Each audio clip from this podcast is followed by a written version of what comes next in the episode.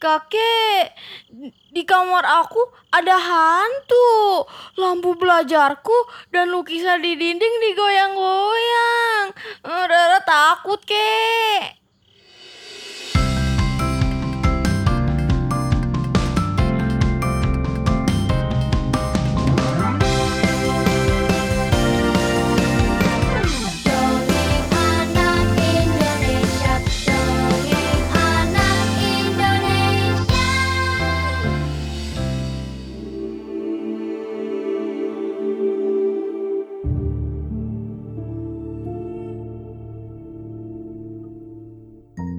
Malam itu suasana sangat sepi. Seluruh penghuni kampung sudah bersiap untuk tidur. Begitu juga Rara. Ia sedang merapikan meja belajarnya. Tiba-tiba Rara merasakan tempat lampu belajarnya bergetar. Lukisan di dinding kamarnya bergoyang-goyang. Rara ketakutan dan tidak tahu harus berbuat apa. Diambilnya bantal untuk menutup kepalanya. Beberapa detik kemudian, getaran berhenti. Seketika Rara melompat dari tempat tidur berlari keluar kamar. Kakek Rara ternyata sudah di depan pintu dan mencoba menenangkan Rara. Kakek, di kamar aku ada hantu. Lampu belajarku dan lukisan di dinding digoyang-goyang. Eh, Rara takut, kek. Tenang Rara, tenang, gak usah panik. Tidak ada hantu di kamar Rara. Ayo ayo, kita semua keluar rumah dulu. Iya, kek. Eh, tapi kenapa kita semua malam-malam keluar rumah? Itu tadi gempa bumi, Ra. Bukan ada hantu. Dan saat ada gempa, kita harus segera keluar rumah. Rara dan keluarganya keluar rumah dan menunggu di halaman sampai kemudian masuk kembali setelah beberapa saat. Malam itu mereka kembali tidur namun dengan waspada karena khawatir akan ada gempa susulan. Keesokan paginya, Rara bangun agak siang karena kejadian tadi malam.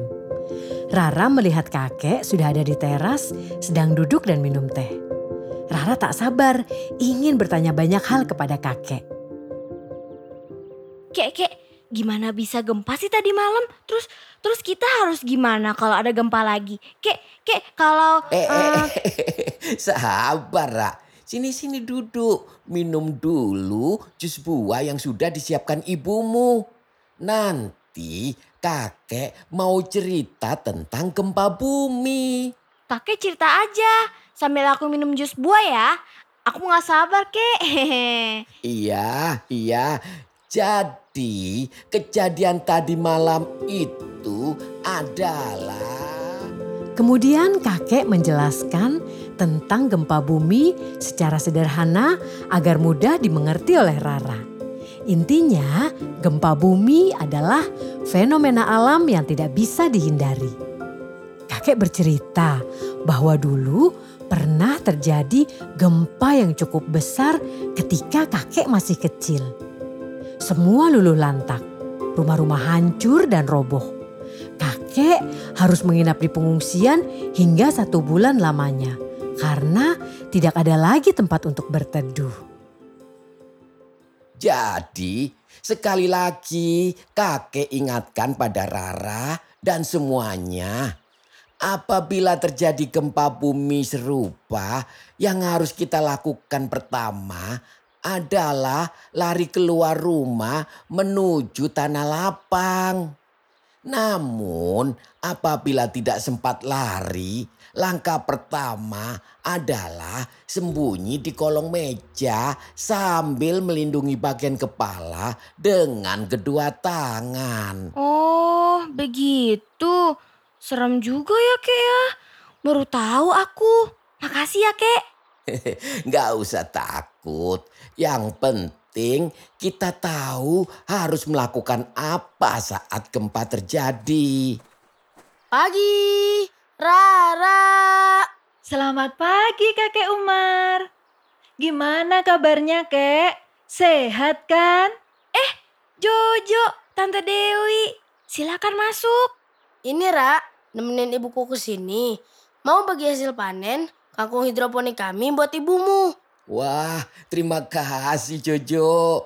Kakek pamit istirahat dulu ke dalam ya. Sekalian kakek yang bawakan kangkung ke dapur. Ayo, ayo, duduk-duduk. Jangan lupa jaga jarak ya, biar semua tetap sehat. Gak apa-apa, Kek, gak apa-apa.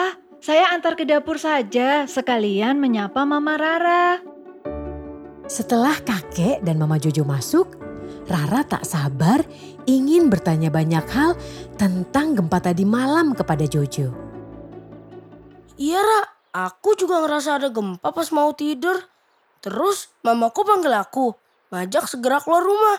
Ya ampun, aku kira tuh ada hantu goyang-goyang semua barang.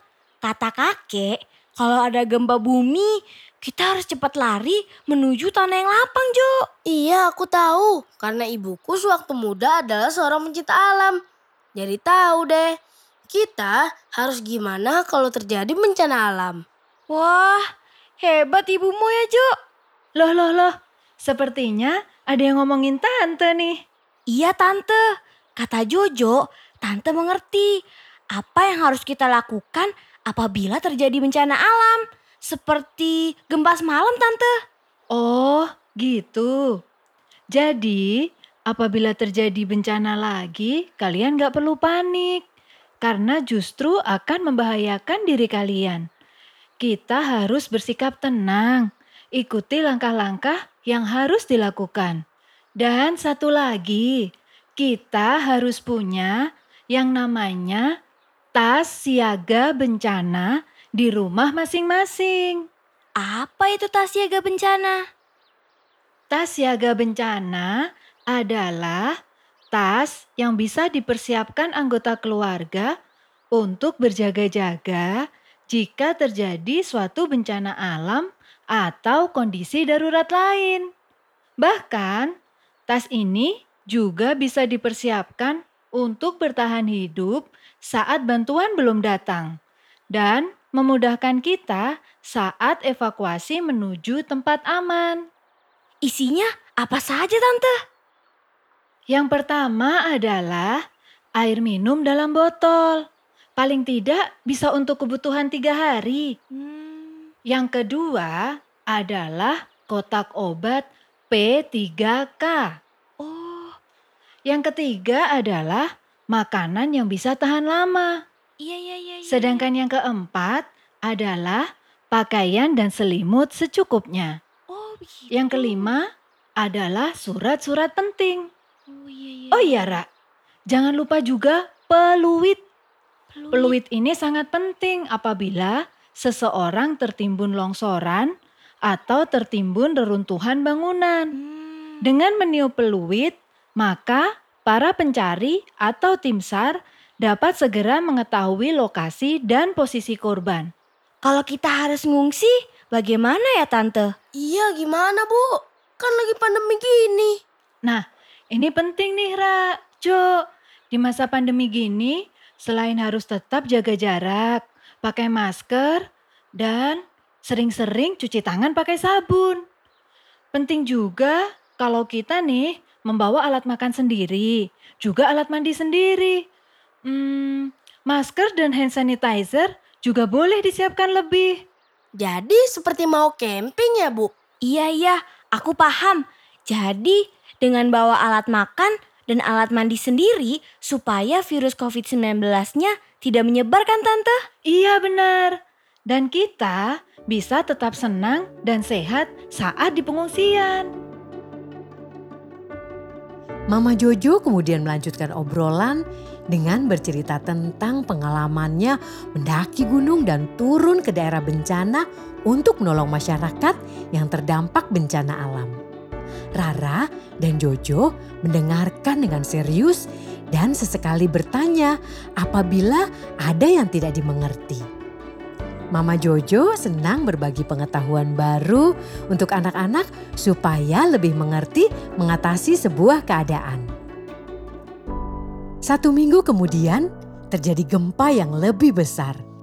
Rara yang sedang mengobrol dengan ibu dan kakek langsung mengambil tas siaga bencana dan langsung berlari ke arah taman yang merupakan titik evakuasi. Di sana sudah berkumpul banyak warga. Rara juga bertemu Jojo. Mereka tidak panik lagi karena sudah lebih siap siaga ketika terjadi bencana.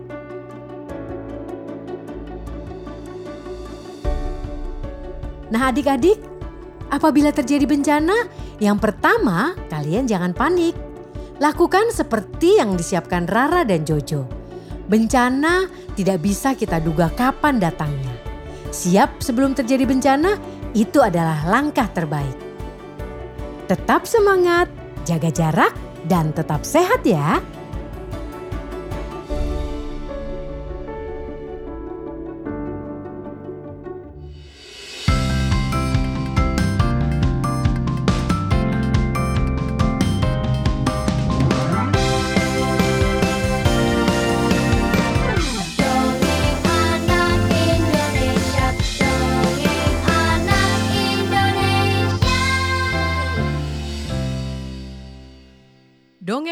Indonesia dipersembahkan oleh Save the Children Indonesia.